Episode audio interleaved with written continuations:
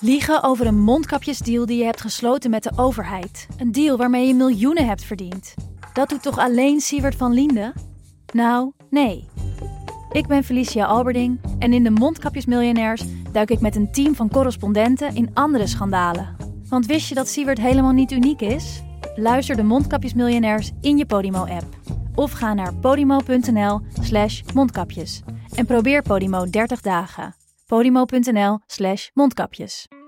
In de podcast Radio Romano met Noortje Veldhuizen Met Marcel van Roosmalen. En met Roelof de Vries. brengen we alle drie elke week een zogenaamde signalering mee. Wat heb jij nou weer bij je? En aan het eind bepalen we wie de winnaar van de week is. Echt een angstcultuur Lege huls die je er bent? Ja, dat gaat eigenlijk altijd onvriendelijk. Luister nu naar Radio Romano bij Podimo. Via podimo.nl slash Radio Romano luister je 30 dagen gratis. Dit is Betrouwbare Bronnen met Jaap Jansen.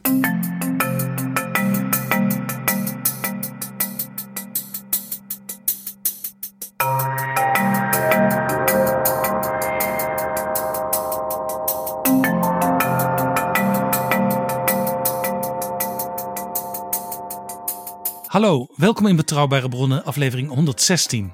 De Nederlandse economie is kwetsbaar, zei Mariette Hamer van de Denktank Coronacrisis in Betrouwbare Bronnen 114. Wij zijn in hoge mate afhankelijk van Europa en de rest van de wereld. Over die afhankelijkheid wil ik het in deze aflevering hebben. Niet over Amerika of China deze keer, maar vooral over het continent waar we niet zoveel van horen de laatste tijd, Afrika. En over onze economische relatie ermee.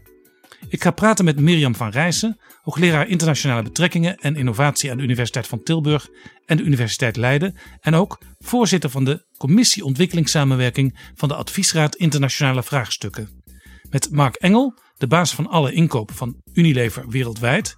En van 2014 tot 2016 directeur Oost-Afrika. En als derde met Joost Oorthuizen, directeur van het initiatief Duurzame Handel. Een samenwerkingsverband van 600 bedrijven, wetenschap en overheden. We praten met elkaar op afstand vanwege corona, maar ook uit praktische overwegingen, want Mark zit in Londen. En ik moet bij voorbaat kleine waarschuwing geven voor de geluidskwaliteit die deze keer wat minder is. Welkom in Betrouwbare Bronnen, Mirjam van Rijssen, Mark Engel en Joost Oorthuizen. Dit is Jaap Jansen met Betrouwbare Bronnen. Mirjam van Rijssen, u bent mede-auteur van een spoedadvies aan het kabinet. Gemaakt op aandringen van de Tweede Kamer. Pieter Heerma van het CDA kwam daarmee. Dat advies gaat over de Nederlandse inzet voor een wereldwijde aanpak van de coronacrisis. De conclusie van dat advies is: er moet snel 1 miljard bij, wat speciaal aan Afrika gericht moet zijn. Dat advies werd heel snel met stoom en kokend water in elkaar gezet. Vier weken geleden lag het al bij het kabinet, maar de reactie van minister Sigrid Kaag namens het kabinet laat nog op zich wachten. Hoe zou dat komen? Ja, er wordt natuurlijk uh, stevig over uh, onderhandeld. En uh, ja, dat is denk ik ook een hele begrijpelijke situatie. Ik hoor uit kabinetskringen, zoals dat dan heet, dat men het met de inhoudelijke lijn van het advies wel eens is. Maar ja, nu 1 miljard richting Afrika, dat is heel lastig, hoor ik. Nou ja, het is natuurlijk begrijpelijk dat, uh, dat daarover flink uh, onderhandeld moet worden. In uh, de zin dat ja, de situatie in Nederland natuurlijk enorm zwaar is. we hebben hulppakket na hulppakket aangenomen. en er moet dus een heel duidelijke reden zijn waarom die 1 miljard voor Afrika nodig is. En ons advies heeft aangegeven in die brief waarom die 1 miljard nodig is. Het precieze waarom, dat ga ik u zo vragen. Wat ik wel interessant vond, vlak voordat uw rapport verscheen, schreef Mark Rutte met een aantal collega's, 17 Afrikaanse en Europese leiders, in de Financial Times, dat er een stimuleringspakket moet komen voor het Afrikaanse continent. Een pakket van tenminste 100 miljard dollar. Ik dacht, Rutte ziet het belang. Er is ook een peiling geweest onder kiezers van zijn partij en van het CDA, de twee grootste regeringspartijen. Die kiezers die vinden allebei met ongeveer 78 procent dat Nederland extra middelen moet inzetten. Ja. Dus er lijkt toch wel een soort welwillendheid te zijn. Kunt u vertellen, om het nog wat helderder te maken, waarom moeten we nu dit doen? Waarom is die relatie met Afrika zo belangrijk? Ja, u refereerde net al aan de eerdere um, podcast met Mariette Hamer. En hè, zij stelt daarin ook heel duidelijk dat uh, Nederland is een kwetsbaar land uh, niet alleen omdat we aan de zee grenzen, maar ook omdat we geen eiland zijn en uh, heel erg afhankelijk zijn voor onze eigen ook economie uh, van het buitenland. En ja, in die zin is de situatie nu ook een hele bijzondere situatie, omdat het de eerste keer is eigenlijk dat we zo'n crisis doormaken in periode na de Tweede Wereldoorlog, waarin we er niet meer zomaar van uit kunnen gaan dat uh, de Verenigde Staten uh, de leiding uh, neemt in dit soort situaties. En ja, dat betekent dat we ons heel erg moeten herbezinnen op onze rol in de wereld. En die rol in de wereld, die doet ertoe voor Nederland, omdat wij daar zelf ook economisch van afhankelijk zijn. Het is dus niet zomaar uh, goedgeefsheid om Afrika te helpen. Nee, natuurlijk is er ook belang. Um, er is belang uh, in de ethiek daarvan, maar er is natuurlijk ook belang in het uh, gegeven. Wat, we heel, wat heel erg duidelijk geworden is in deze coronacrisis. Dat een probleem van een ander ook je eigen probleem wordt. En dat is zo in Nederland. We hebben um, um, met z'n allen hele zware maatregelen moeten doorgaan om daar ook met z'n allen weer uit te komen. Maar dat is natuurlijk ook zo in Europa en internationaal. Dus we kunnen niet anders als ook naar die uh, internationale context kijken. En um, ja, dat is zowel vanuit een uh, ja, ethisch principe, maar het is ook een, een, een eigen belang dat we dat doen. Joost Oorthuizen, als we even puur economisch kijken, hoe groot is de handel van Nederland met Afrika? Ja, die is ongeveer, die is ongeveer 27 miljard nu. dus men, men, we, we, weten nooit zo goed, we realiseren ons niet in Nederland dat Afrika zo belangrijk voor ons is. om een voorbeeld te geven, onze export naar Afrika is ongeveer vier keer zo groot als die naar Rusland.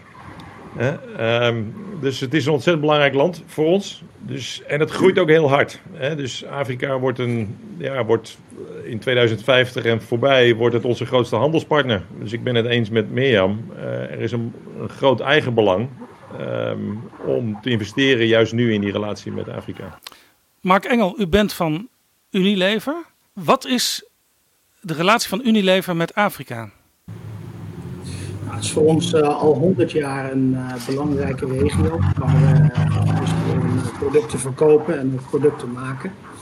Ook een hoop sourcing doen. En um, kijk, wat ik denk wat gewoon belangrijk is om, om te, te, te, te, weten is, er zijn anderhalf miljard Afrikanen en over 10 jaar zijn dat er 2,5 miljard. Dat betekent dat 1 op 5 van de mensen in de wereld Afrikaan is en dat zijn ook consumenten. En zoals Joost zegt, de tijd van de, dat, dat Europa met, uh, met kralen en spiegeltjes uh, grondstoffen uit Afrika haalde, die zijn natuurlijk al lang voorbij. He, uh, iedereen kent Afrika over zijn cacao of zijn thee of koffie of olie. Maar uiteindelijk zijn die 2,5 miljard Afrikanen, die, die zijn allemaal connected, die hebben allemaal behoeftes. Er is de grootste migration rate naar de, naar de steden uh, in Afrika gaande. Dat is twee keer zoveel als het gemiddelde in de wereld. En dus er zijn, het is een hele grote consumptiemarkt. Dus het is niet alleen maar een sourcingmarkt. Uh, dat is het ook trouwens. Want Afrika heeft de, de, de, landmassa van de Verenigde Staten, India en China samen. Dat is ook belangrijk om te weten.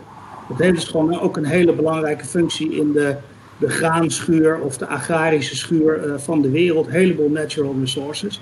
Maar het is ook gewoon een ontzettend belangrijke markt. En dat is dus voor ons, uh, als je naar groeipotentieel kijkt, als je naar consumentenuitgaven kijkt, de laatste tien jaar 3 tot 5 procent omhoog. Nou, kijk, dat vergelijk dat eens even met naar Europa. Dus als je in de business zit, is Afrika gewoon een superbelangrijke regio voor de toekomst. Ja, en het zag er dus tot nu toe, tot corona kwam heel veelbelovend uit. Even nog voor het beeld.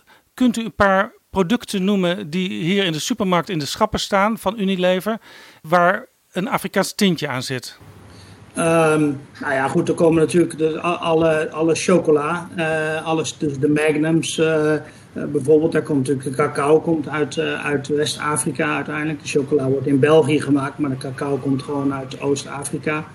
Er zijn natuurlijk een heleboel grondstoffen, al onze Lipton tea, uh, dus al onze thee, uh, er komt heel veel thee uit Afrika die ook in Nederland verkocht wordt. Maar wat, wat ik een belangrijker punt zou vinden is dat wat je in de Albert Heijn op de schappen ziet staan, dat zie je in Zuid-Afrika of Kenia ook op de schappen staan. Dus het is niet zo dat we een hele andere portfolio hebben.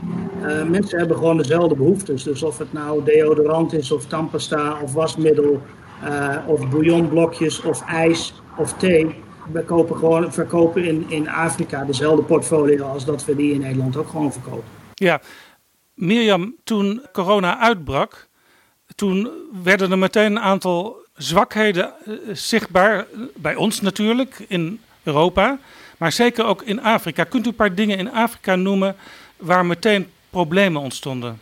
Ja, het allereerste is uh, dat niet iedereen uh, water, toegang tot water heeft en, en zeep. Om maar eens met iets uh, heel simpels te beginnen. Bij ons was dat meer een ja, gedragscode, je moet dat gaan doen. Maar in uh, Afrika was dat advies al behoorlijk ingewikkeld.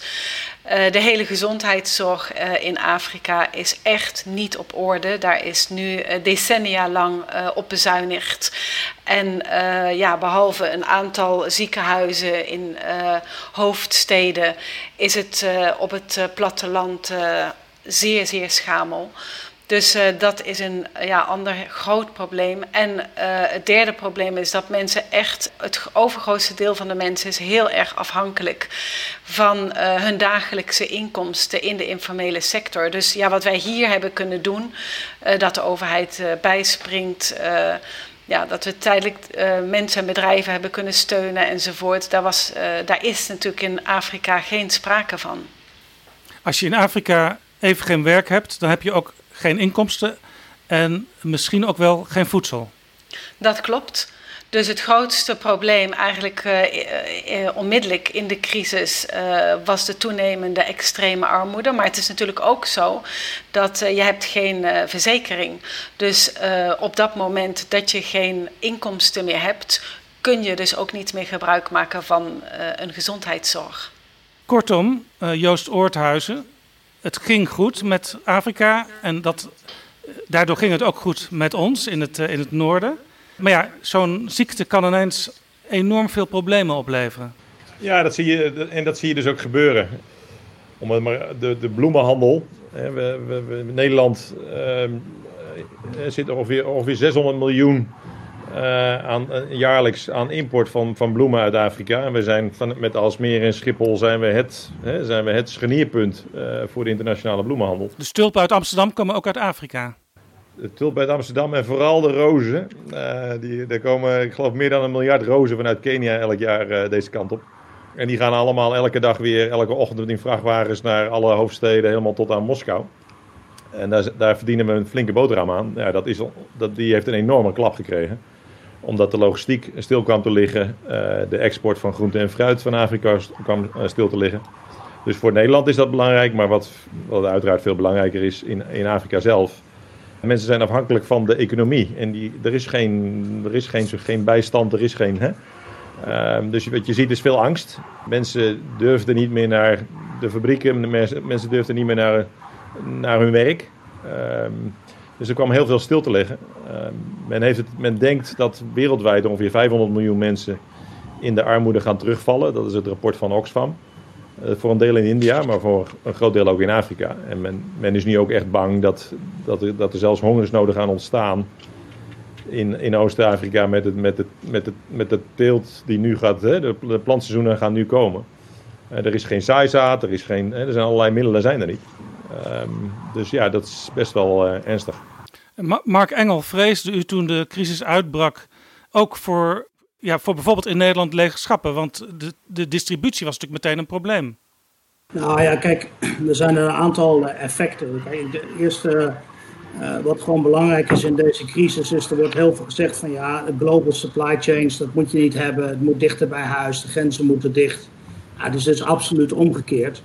Uh, wij moeten echt heel blij zijn dat we global supply chains hebben. Dat we op dit moment uh, dingen kunnen sourcen uit China en het Verre Oosten, et cetera, et cetera. Als je nou eens kijkt waar komen in Nederland je maskers vandaan, of een heleboel COVID-tests, of de, de handschoenen, of de, de protective gowns in de ziekenhuizen, die komen niet uit Nederland. Die, dus dus uiteindelijk is het uh, zo dat we natuurlijk ten eerste blij moeten zijn dat, we een, een, dat de global supply chain gewoon goed werkt. En daar hoort Afrika ook bij. Maar e-, e-, even, even onderbreken, want de mondkapjes en ook de apparatuur in de, op de intensive cares, daarvan hebben regeringen, ook de Nederlandse regering, nu toch wel geconcludeerd. Ja, we moeten zelf voorraden daarvan hebben en we moeten zelf ook snel met fabrieken kunnen opschalen om, om ze eventueel in Europa zelf te kunnen produceren.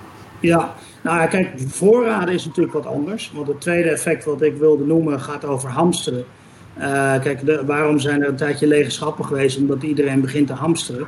In Afrika wordt niet gehamsterd, want daar hebben de mensen geen geld om te hamsteren. Want, hè, want iedereen, dus 70% zit in de informele economie. Die leven van dag tot dag, dus er wordt ook niet uh, gehamsterd. Dat lijkt eigenlijk meer op de economie zoals die 200 jaar geleden, misschien korter geleden, hier in Nederland was. Dat je op vrijdag je loonzakje kreeg. En dan, dan moest uh, moeder die thuis zat te wachten, maar hopen dat vader niet eerst naar het café ging. Ja, precies. Nou, dat is, dat is het. Uh, en het is natuurlijk, mensen zijn ook een hoop niet in employment. Die hebben, zijn gewoon allemaal micro-entrepreneurs.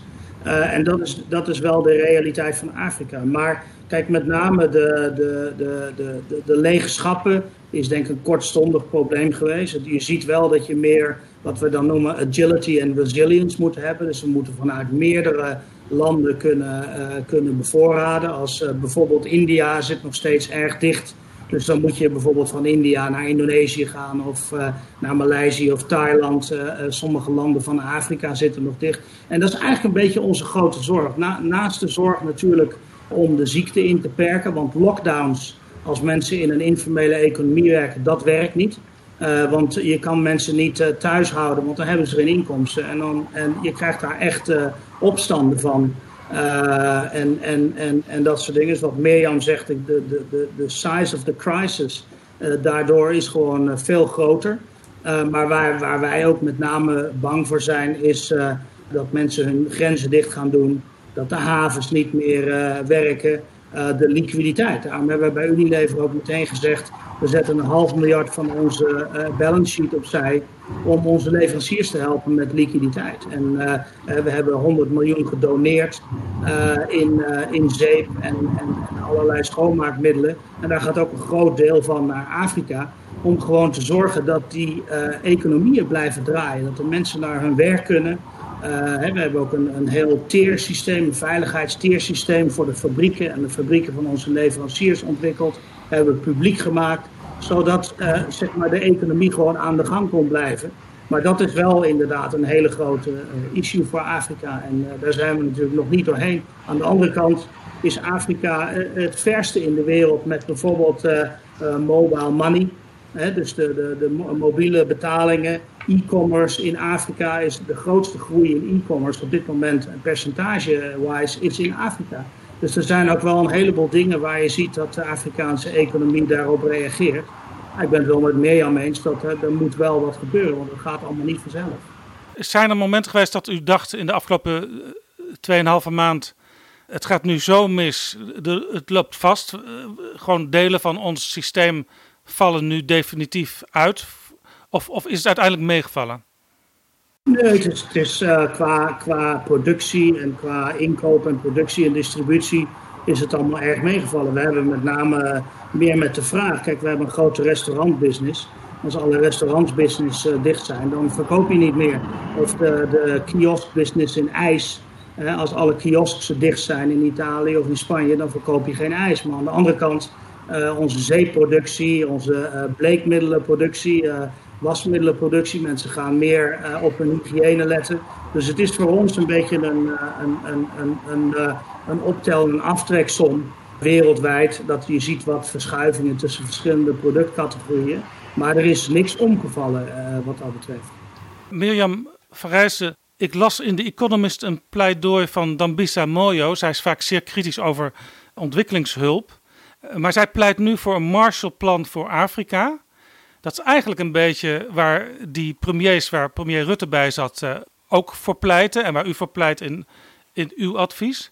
Maar zij zegt ook dat Marshallplan, dat moet net als vroeger na de Tweede Wereldoorlog uh, door de Verenigde Staten in gang worden gezet. Want zij zegt: Europa is te traag. Is dat nog steeds zo of heeft zij daar een verkeerd beeld van? Nou ja, haar kritiek is altijd geweest dat uh, de hulp te weinig uh, eigenaarschap had vanuit Afrika. Dat is eigenlijk het belangrijkste punt ook uit haar boek uh, Dode Hulp. En daar heeft ze uh, gelijk in, dat zonder dat eigenaarschap kan die samenwerking niet langdurig en duurzaam vruchten afwerpen. Uh, dus dat, dat, zij heeft daar een uh, heel belangrijk probleem benoemd. Nou moet ik wel zeggen dat we dat juist in Europa heel goed georganiseerd hebben. Juist in Europa werken we echt met uh, ja, compact contracten waarmee we samen besluiten met Afrikaanse regeringen over. Hoe die hulp moet worden ingericht. Uit de Verenigde Staten, daar voeren ze toch een beetje een ander soort filosofie, uh, waarbij er toch heel sterk gekeken wordt naar de Amerikaanse ideologie en, en ook politieke doelstellingen van het moment. Um, en omdat wij in Europa die samenwerking over hele lange periodes heen organiseren, uh, uh, ook omdat we die financiële periodes eigenlijk inrichten voor zeven jaar, heb je gezien dat ook tijdens de financiële crisis de Europese hulp eigenlijk een hele belangrijke en goede buffer was ten uh, opzichte van de bezuinigingen die uh, overal elders werden doorgevoerd in de ontwikkelingssamenwerking. Dus ik ben het uh, niet met haar eens dat Europa het wat dat betreft slecht doet. Europa doet het goed. We komen wel in een hele kritieke situatie nu terecht, omdat aan het eind van dit jaar dat ook opnieuw moet worden ingericht.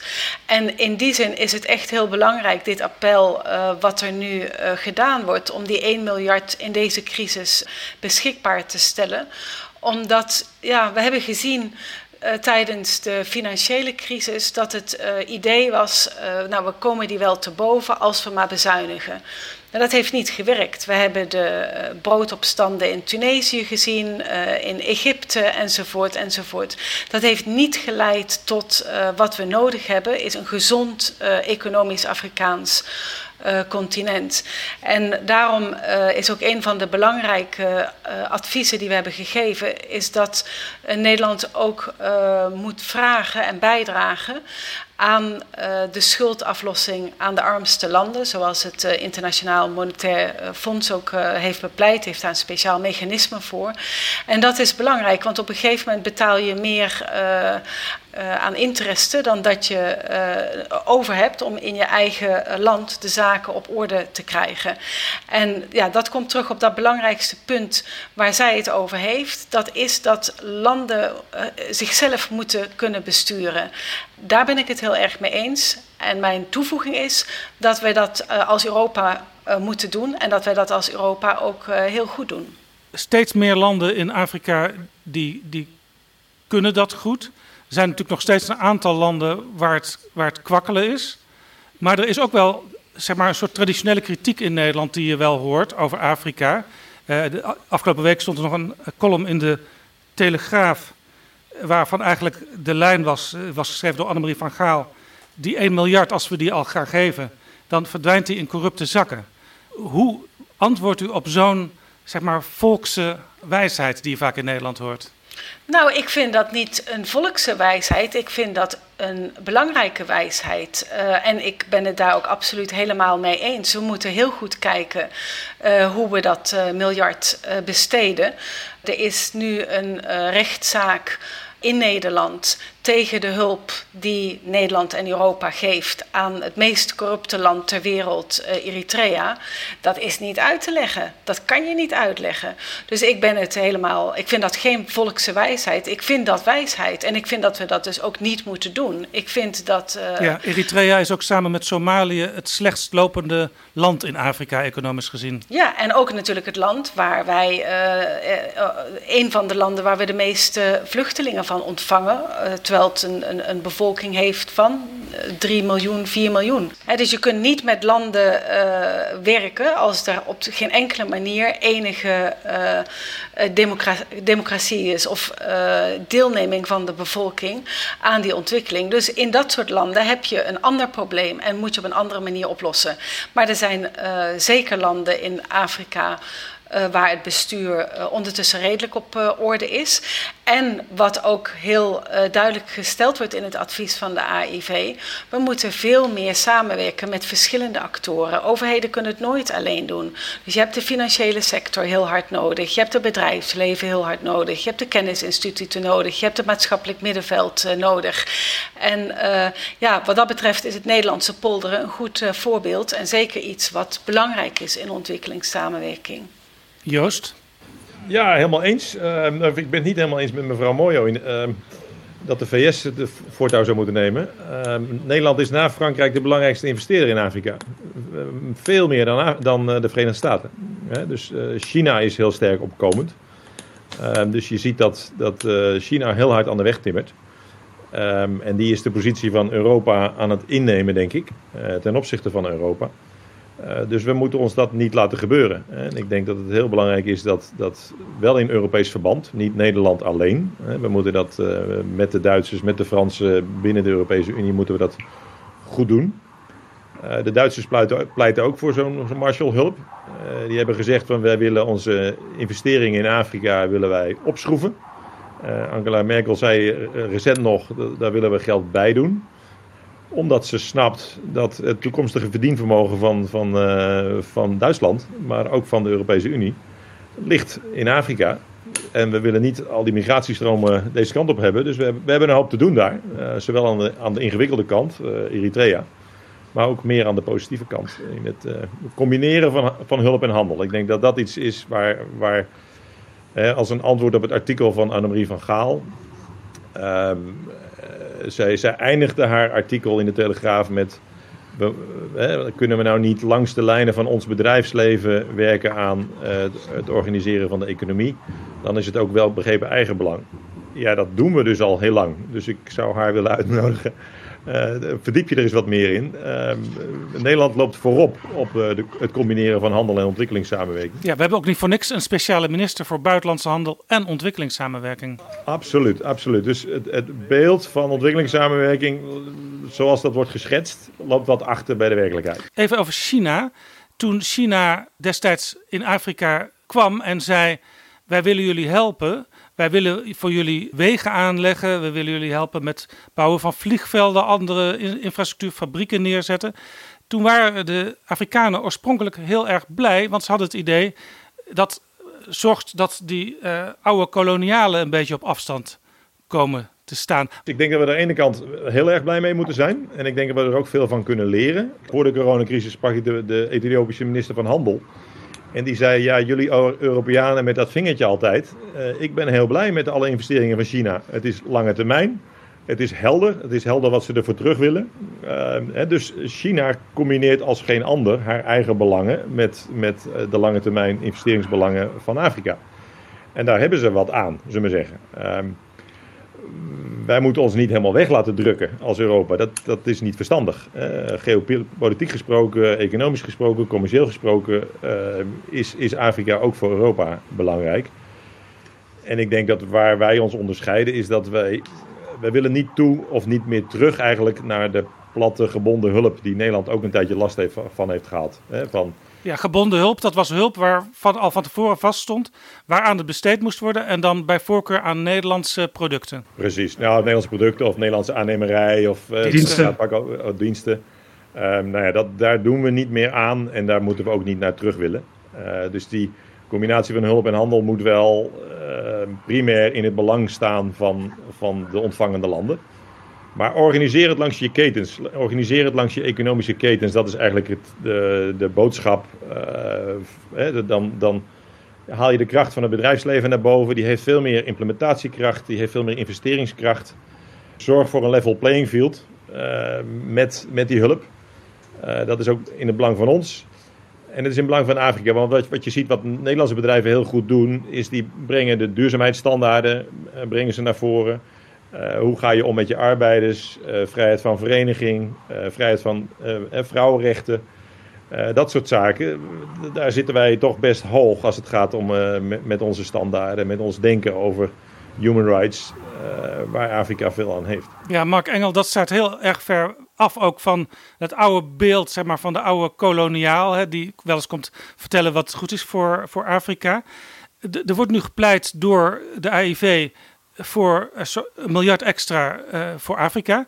Heeft het bedrijfsleven die hulp eigenlijk wel nodig? Want u, u kan het toch zelf wel af, zou je zeggen? Ja, kijk, je kan het ook zelf wel af. Maar ik denk inderdaad dat het gewoon het oude model van overheid naar overheid, uh, dat werkt niet, niet meer. En wij hebben in Nederland wel IDH. En IDH is in onze ogen een van de weinige organisaties in de wereld die, die gefundeerd wordt vanuit de overheid. Maar die ook implementatiekracht hebben om, om het bedrijfsleven te complementeren. En dat is ook natuurlijk voor eh, de Nederlandse overheid. Je geeft niet direct het geld aan de Unilevers en de Rabobank en de DSM's, maar je geeft het aan een, eh, aan een, een independent organisatie. En dat is echt, want in Afrika, er zijn twee dingen in Afrika. Je moet een lange adem hebben. Uh, want het is natuurlijk wel volatiel. Dus als je over tien jaar de groei kijkt, die is er wel, maar het is echt wel volatiel. Ik heb natuurlijk zelf een paar jaar gewerkt en gewoond.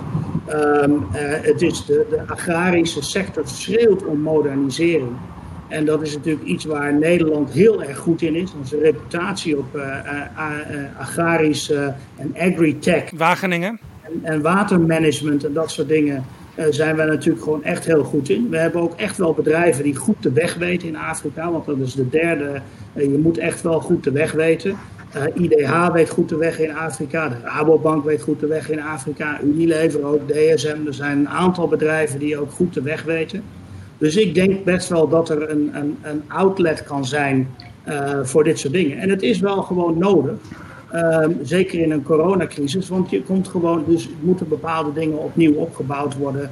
Uh, alles als wat Jood zegt, er zijn nu geen zaden. Als er geen zaden zijn, wordt er niet geplant. En als er geplant wordt, er niet geoogst. Nou, dan ben je gewoon, uh, of als er wat gewoon heel veel ziet, bijvoorbeeld in allerlei agrarische sectors, dat er geen fertilizers of pesticides meer gebruikt kunnen worden. Daar heb je vijf, zes jaar lang, lang last van, als je dat nu niet doet. Dus er is wel degelijk een gat. En ik denk dat dat gat ook best als investering en niet alleen maar als, uh, als uh, hulp die nooit meer terugkomt gezien kan worden. Ik denk dat daar best uh, hybride modellen voor mogelijk zijn tussen grants en, en leningen, en soft leningen. Um, maar je moet dan wel innovatief zijn in hoe je dat zeg maar kunt doen. en, en inderdaad met meerdere partijen. Ik denk dat dat is gewoon heel erg belangrijk. En ik denk dat Europa daar wel een, een leidende rol in kan spelen. En zeker Nederland. Want je zei het net zelf al even. Kijk, Sigrid Kaag heeft natuurlijk. Nederland heeft een van de weinige landen die trade en aid, of uh, hoe noem je dat, buitenlandse handel en ontwikkelingssamenwerking in één portfolio heeft. Daar kan de wereld echt een voorbeeld aan nemen. Want dit is echt het model uh, in mijn optiek hoe overheid zou moeten werken. En ik vind ook echt dat zij met haar Franse counterpart dat non-paper geschreven heeft over die uh, inclusive trade and sustainable development. Ja, dat, dat is gewoon, uh, daar moet je er echt mee complimenteren. Dat betekent echt gewoon dat ze, uh, die heeft echt wel begrepen en daar kun je echt wel mee werken. Dus ik, ik denk dat dat heel positief kan zijn voor Nederland. Maar ik stress nogmaals, het hoeft voor mij niet een, iets te zijn, een, een miljard of wat het dan ook is uh, dat je nooit meer terugziet. Ik denk als je dat via vehicles als IDH en andere kan structureren, dat je dat ook best wel uh, financiële instellingen bijvoorbeeld, um, dat het ook een investering kan zijn waar uiteindelijk een return uitkomt. En niet alleen maar liefdadigheid. En is, zo zitten wij er natuurlijk ook in als Unilever. Maar wij zijn een business, we zijn geen liefdadigheidsinstelling. Ja, die 1 miljard. En ik kijk naar Joost, ik kijk naar Mirjam. Die 1 miljard kan dus ook gewoon helpen om op korte termijn bedrijven, organisaties, mensen in staat te stellen te handelen. Uh, maar daar is dus op korte termijn geld voor nodig. Daar komt het eigenlijk op neer. Ja, um, het, het, het, punt klopt. Dat het heel erg belangrijk is om nu die liquiditeit uh, te creëren. Niet alleen uh, naar de toekomst toe, maar ook omdat je anders uh, investeringen die gedaan zijn gewoon kwijtraakt. Omdat die liquiditeit er nu niet is. Dus je hebt een korte periode, in Nederland is dat hetzelfde, van een aantal maanden, waarin mensen in bedrijvigheid moeten zien te overleven om dan vervolgens de draad op te pakken. En dat is een van de grote problemen en dat is ook belangrijk voor het behoud van de keten. Want als je ja, die onderdelenbedrijvigheid, hè, ook in de toelevering enzovoort, kwijtraakt, uh, dan kost het ver, vervolgens weer uh, heel veel inspanning en ook geld om dat weer op te bouwen. Dus een van de belangrijkste boodschappen van het advies is eigenlijk om te zorgen dat, nou ja, wat wij in Nederland vrij goed hebben kunnen regelen, om dat ook op die grote Afrikaanse schaal uh, om, om, om daar comfort te bieden en te zorgen dat die uh, buffer er is. En als je het op die manier bekijkt, dan is 1 miljard natuurlijk uh, heel weinig, maar een belangrijk begin. en we gaan dat ook niet alleen doen. De Duitsers die hebben net een goedkeuring gedaan voor 3 miljard. nou, dat zit ook in een goede orde van grootte. er zijn pledges van 8 miljard gedaan voor de internationale, het, het, het internationale onderzoek naar de vaccins enzovoort. Dus op die manier uh, bouw je op wat de VN uh, eh, heeft gezegd dat nodig is. En dat is uh, eh, 100 miljard voor Afrika. Dus je moet het op die schaal zien. Dit is Betrouwbare Bronnen, een podcast met betrouwbare bronnen. We hebben trouwens nog helemaal niet gehad over waar het allemaal mee begon. COVID-19 zelf hoe is Afrika er wat dat betreft op dit moment aan toe? Want ik las deze week de recente cijfers. En dan zie je bijvoorbeeld in Europa 883.000 bevestigde gevallen van corona. Uh, eh, 179.000 doden. In Afrika een veel, veel lagere getallen. 104.000 bevestigde gevallen. En ruim 5.000 doden.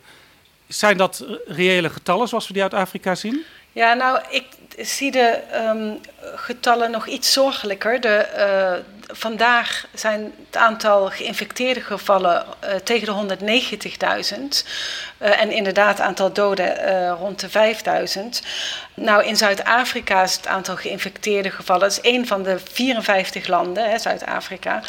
Uh, eh, 50.000. Nou, in Nederland hadden we er 48.000. Dus ja, dat geeft een beetje de, de schaal aan uh, waar we uh, tegenaan lopen. Natuurlijk, Afrika loopt achter. Het virus is geïmporteerd. Dus het is een van de laatste continenten die betrokken is. We moeten ons ook rekenschap geven van het feit dat het virus van buiten naar binnen gekomen is. Natuurlijk net als is misschien nog een klein voordeel ervan dat Afrika minder geglobaliseerd is dan Europa. Ja, maar de cijfers liegen er toch echt niet om. De cijfers zijn, uh, zijn serieus en da daarbij uh, moet je ook meerekenen dat wat we zien aan cijfers zijn de officiële geregistreerde casussen.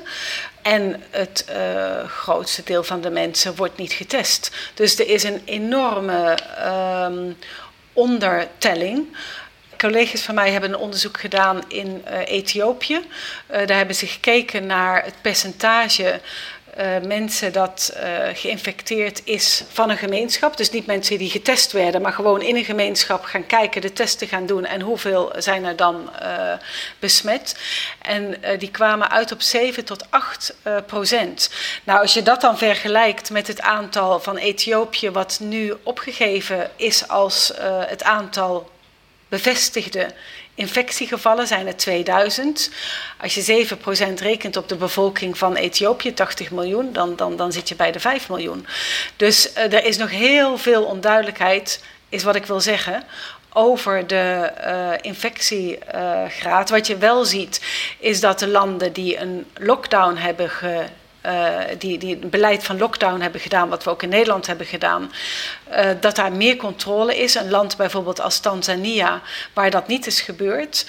Uh, daar hoor je van, ik hoor daar van collega's van, dat nou iedereen wel iemand kent die ondertussen is overleden aan COVID-19. Of tenminste, waar het vermoeden van is dat dat COVID-19 corona dus was. Dus ja, ik kijk zelf in ieder geval toch nog met grote zorg. En ik denk niet dat, ja, wij beginnen hier in Nederland nu een beetje uit die lockdown te komen. En het gevoel te hebben van, nou, het is. Eh, en, en hopelijk geen tweede golf. Maar ik heb het gevoel dat we in Afrika het beeld nog niet compleet hebben. Eh, Mark Engel, het eerste coronageval in Italië, zeg maar de eerste brandhaard in Europa, was iemand die voor uw bedrijf Unilever werkte. Heeft u ook in Afrika mensen die getroffen zijn? Ja, zeker. We hebben een, een, een aantal collega's die het wel gekregen hebben. We hebben ook in, in één fabriek in Boksburg in Zuid-Afrika hadden we op een gegeven moment 40 gevallen. Daar heeft de overheid goed op gereageerd. Die hebben ons 100% van de employees laten testen. Zijn we door een protocol gegaan van twee weken en, en daarna gewoon zijn we weer door kunnen gaan. Dus dat is vrij goed geregeld. Maar wij zien het in Afrika, wat Mirjam ook zegt, van ja, daar, daar is nog niet gepiekt. Daar, daar moet de piek nog echt wel komen.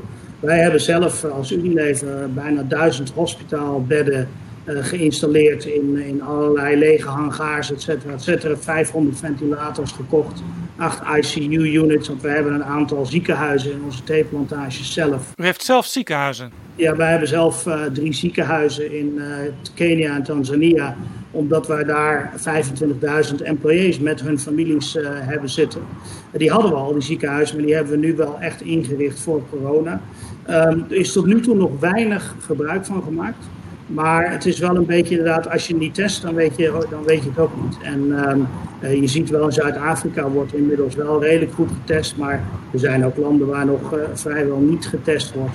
Dus het, eigenlijk is het enige uh, betrouwbare getal is het aantal doden waarin geconfirmeerd is dat het COVID is. Want dat is eigenlijk het enige vaste punt wat je, wat je weet wat de realiteit is. Dus het is het is nog niet helemaal duidelijk. Uh, wij maken er ons ook wel zorgen om. Latijns-Amerika en Afrika zijn voor ons wel de twee regio's in wat we noemen de Global South.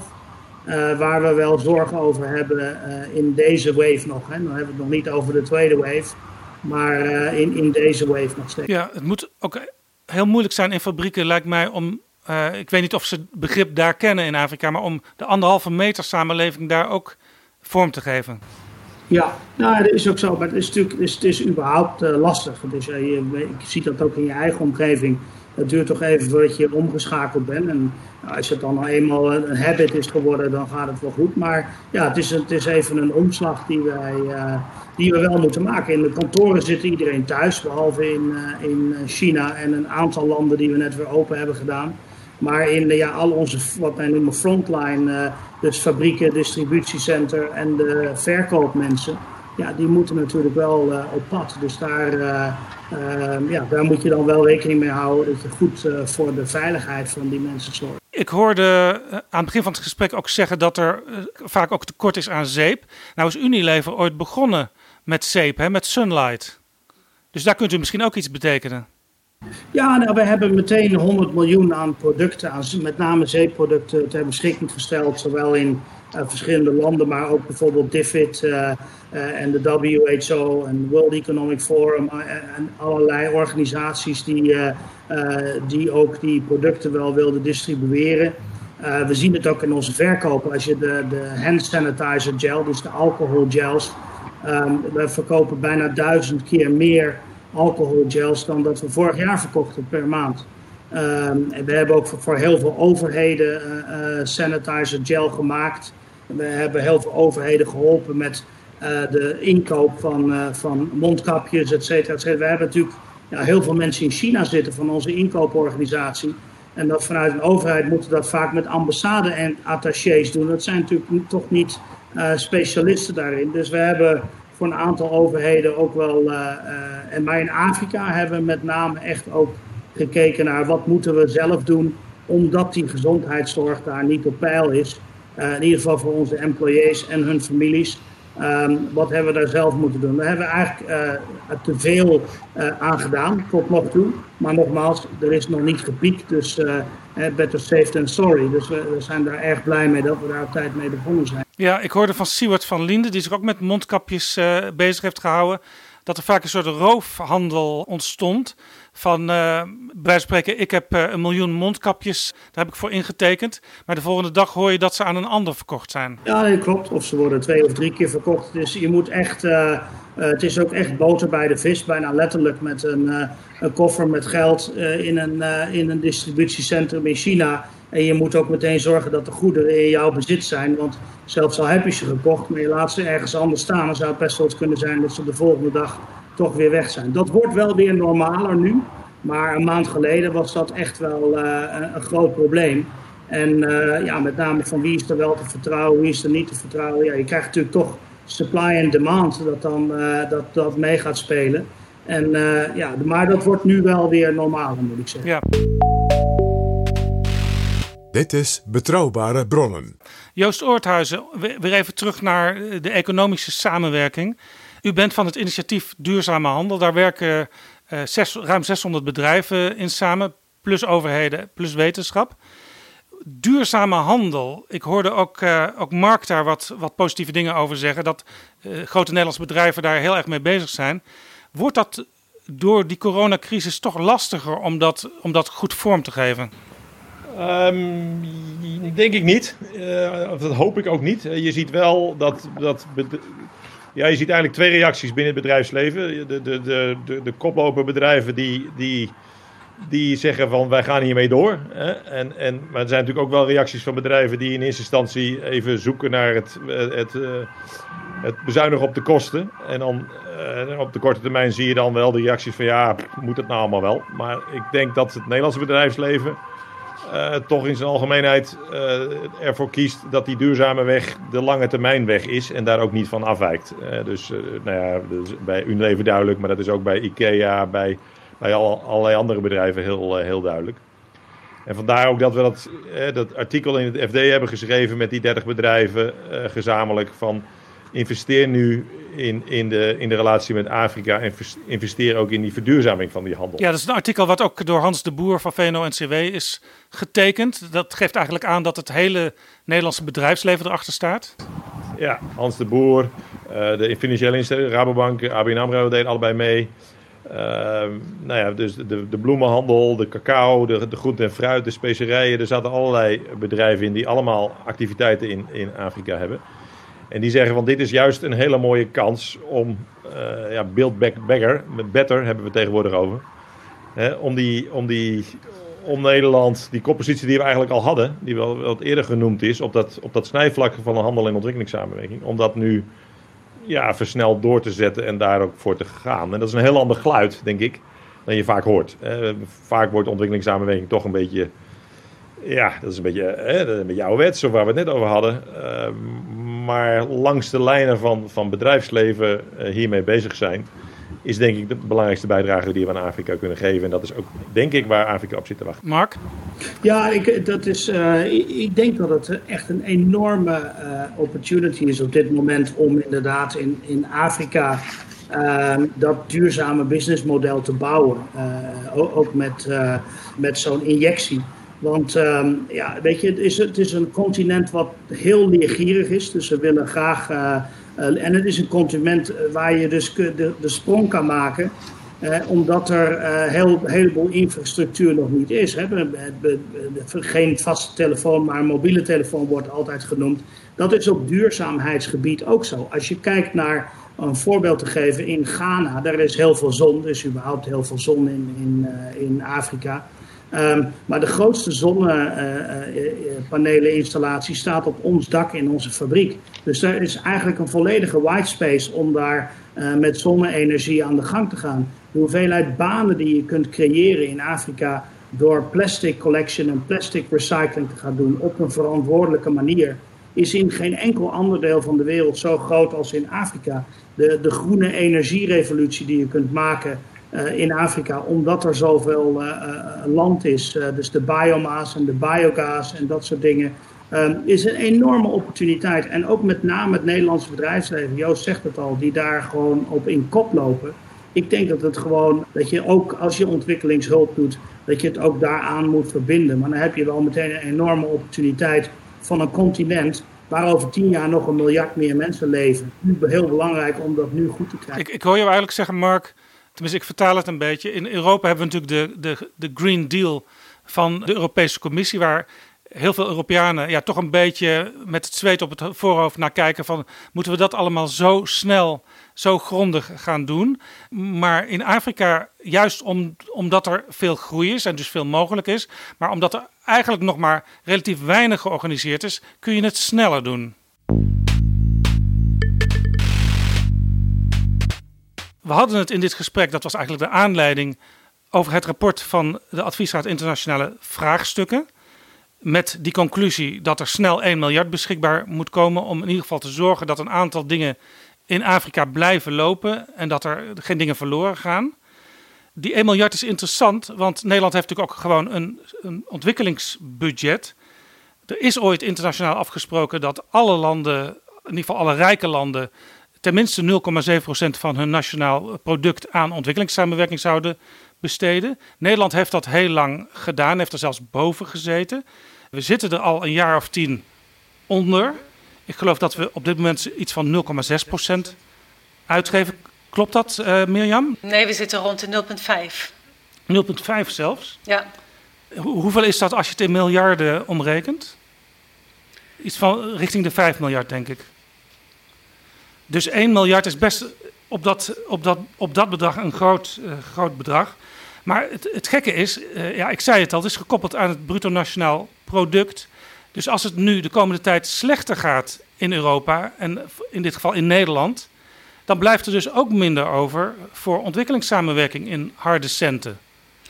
Ja, dat klopt. Uh, dat is ook zeker een punt geweest wat we gemaakt hebben in het advies. Uh, dat allereerst die 1 miljard uit extra middelen moet komen. het model wat we toegepast hebben na de financiële crisis is verder bezuinigen. dat heeft niet gewerkt. Wat belangrijk is aan de manier waarop we dit advies hebben geformuleerd, is allereerst die 1 miljard die moet komen uit extra middelen. Het tweede is, je moet dus niet... niet uit de bestaande ontwikkelingssamenwerkingsbegroting. Precies, Dat geen moet verschuivingen. Dus uit, uit, uit, zeg maar, Wopke Hoekstra moet daar een potje voor vinden. Klopt, ja. Het tweede wat we hebben gezegd is dat uh, je moet geen broekzak-vestzak uh, situatie creëren. Dus je moet die uh, ontwikkelingshulp uh, nu tenminste op het bestaande uh, niveau houden. En wat uh, wel belangrijk is om te zeggen, is dat daar soms toch ook rare redeneringen of misverstanden over lijken te bestaan. Want die 0,7% norm, oké, dat is een norm die hebben we ooit met elkaar afgesproken. Maar daar zitten we dus ondertussen zeer ver onder. Dus dan is het heel erg raar om dan met dat percentage verder te redeneren. Uh, terwijl je eigenlijk uh, met z'n allen hebt gezegd van nou we doen het vanuit de inhoud, vanuit de noden, vanuit de behoeften.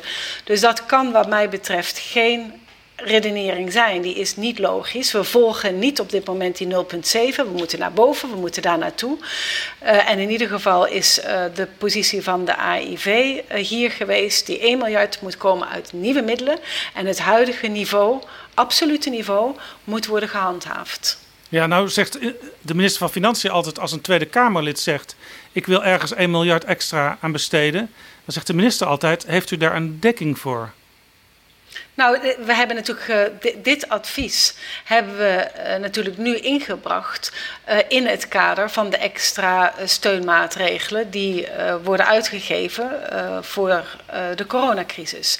Ja, dus u zegt eigenlijk, minister Hoekstra heeft zelf al gezegd, ik heb diepe zakken.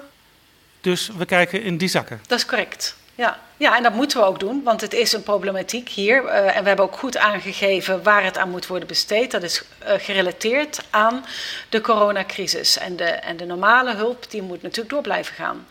Uh, die moet door blijven gaan om alles wat we hier vandaag besproken hebben. En ik denk dat ik ook duidelijk heb gezegd dat als je die extra uitgaven niet doet, dan gooi je dus je investeringen weg. Dus je moet nu ook wat ruimte bieden uh, omdat die ook in Afrika nu nodig is. En dan is dat uh, bedrag een, een, een heel klein bedrag in de, in de verhoudingen. Dat is niet een bedrag wat je in je hoofd zou hebben als je het hebt over een Marshall-plan. dat is allemaal nog heel bescheiden. Maar dat, dit is nu wel nodig. Ja, ja, ik denk als je in Nederland kijkt naar wat er nu al aan extra geld wordt uitgegeven door bijvoorbeeld minister Koolmees, minister Wiebes, Hoekstra zelf. Ja, we hebben natuurlijk 20 en, en je extrapoleert dat een beetje, dan zit je al op 100 miljard of zo. Dus daar zou dit dan maar 1% van zijn. Ja, ja, nou we hebben in ieder geval die extra 20 miljard, 13 miljard die we kunnen uitgeven tot aan uh, uh, 90 miljard, denk ik dat het is. Uh, dus ja, 1 miljard op dat hele grote Afrikaanse continent is een bescheiden bijdrage. Maar dit, dit is nu een bijdrage die, die echt nodig is. En ja, we moeten boter bij de vis En dat is natuurlijk ook het, het appel aan onze minister-president. Het was een belangrijke brief die hij schreef in de Financial Times. Ja, dan is het wel noblesse oblige, zoals we zeggen in het Frans. Dan moet je natuurlijk ook uh, dat waarmaken. En ik verwacht dus ook wel dat dat zal gebeuren. Joost? De, de, die koppeling, dat, dat is natuurlijk een beetje gek. En dus die koppeling is gekoppeld aan het Nederlandse bruto nationaal product, hè, die, die 0,7 en dat is dus zelfs nu maar 0,5.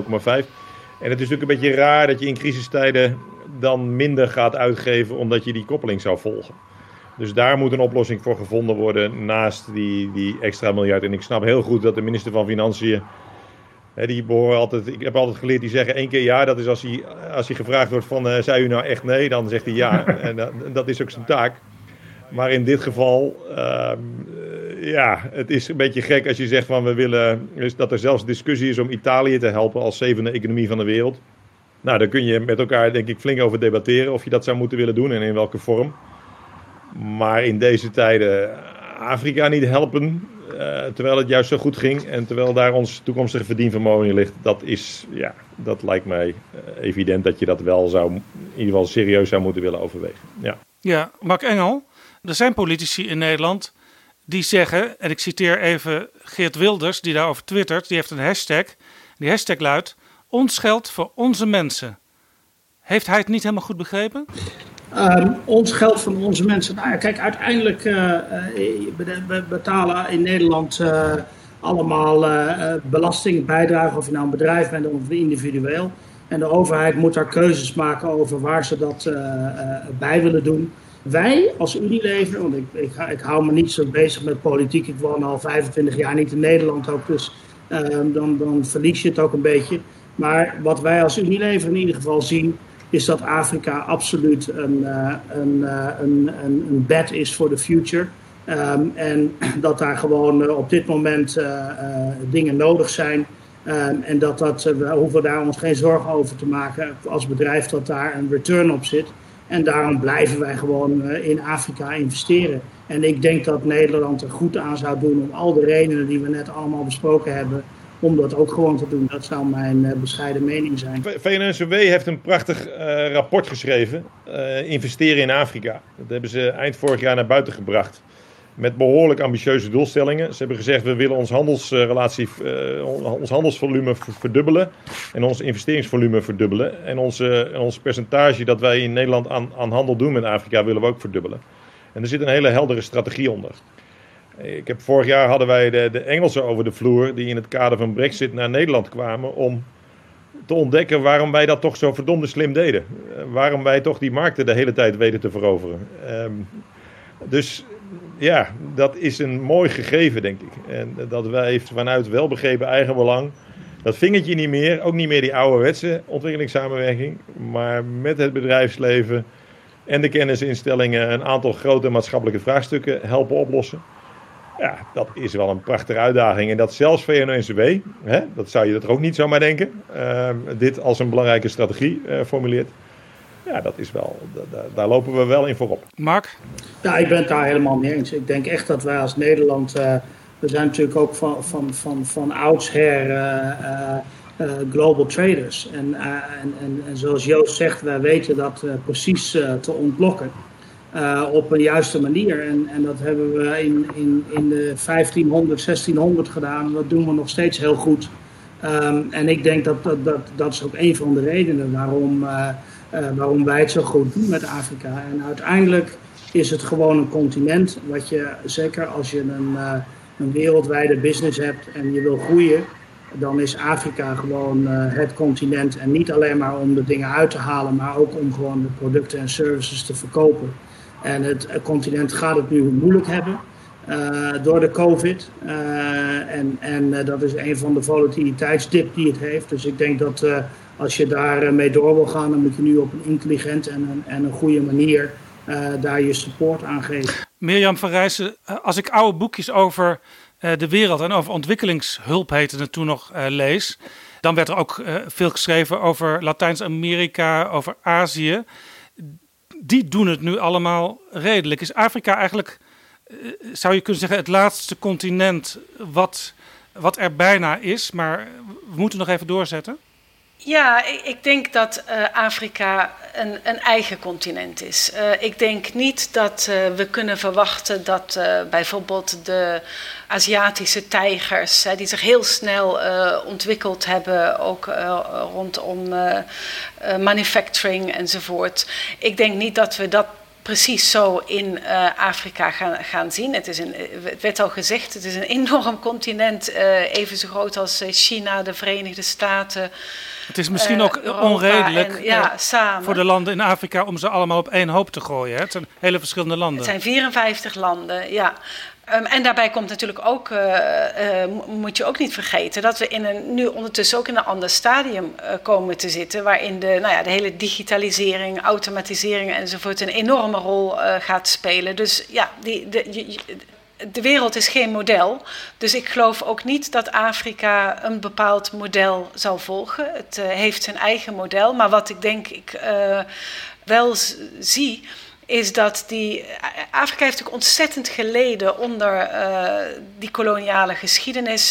De landen nou ja, zijn pas in de jaren zestig onafhankelijk geworden. Dus we hebben echt decennia nodig gehad om daar. Ja, te komen aan uh, opbouw. En ik denk dat we ondertussen nu in een stadium zijn uh, beland waarin we nou ja, echt uh, ook economisch de weg naar voren kunnen maken. Enorme demografie met jeugd die ondernemend zijn, die die oude geschiedenis niet hebben meegemaakt, die gewoon vooruit willen. daar, moeten we mee, daar moeten we mee verder. En wat echt belangrijk is, is dat wij als Europa Afrika nodig hebben. natuurlijk is de Global South belangrijk enzovoort. Maar goed, we hebben het al gezegd. we hebben de Verenigde Staten, we hebben China. We moeten als Europa ons eigen verhaal maken. En daar hoort Afrika bij. Dat kunnen wij niet zonder Afrika. En wat ik zelf ook nog graag zou willen um, zeggen is dat. Uh, ja, ik ben blij dat we dit gesprek eigenlijk hebben kunnen hebben. Dat beeld van ontwikkelingssamenwerking uh, moet op de schop. Uh, ondertussen zijn een heleboel dingen veranderd. In onze commissie bij de AIV, daar ben ik trots op, hebben we heel veel mensen uit het bedrijfsleven, uit de financiële sector, ING, ABN AMRO, Rabobank. En dat betekent dat we een heel ander beeld hebben gekregen waar ontwikkelingssamenwerking eigenlijk over gaat wij zijn ontzettend benaderd door allerlei sectoren over het belang van dit advies. En uh, die peiling die gehouden is onder die CDA en VVD-stemmers... Ja, die 78 procent die laat dat ook zien. belangrijk vindt om te ja, helpen. Ja, dus ik denk dat, uh, dat we kunnen concluderen dat dat uh, draagvlak terug is. Als het is weg geweest, dan is het terug. En het is terug met een, ja, met een eigen tijds verhaal. En daar moeten we mee verder. En die coronacrisis, net als dat het geval is in Nederland, uh, moet je natuurlijk juist in zo'n crisis bepalen waar je naartoe moet. En uh, nou ja, dat is hier waar ook om gevraagd wordt. In de toekomst moeten we verder met Afrika en we moeten dat gebaar nu maken om daar ook een goede stap in te zetten, om die weg in te slaan. Mag ik jullie alle drie hartelijk danken voor dit gesprek. Het heeft mij in elk geval weer wat nieuwe inzichten opgeleverd en ik denk de luisteraars ook. En misschien dat het ook de Kamerleden en de ministers die er uiteindelijk over moeten besluiten ook nieuwe inzichten biedt. Hartelijk dank.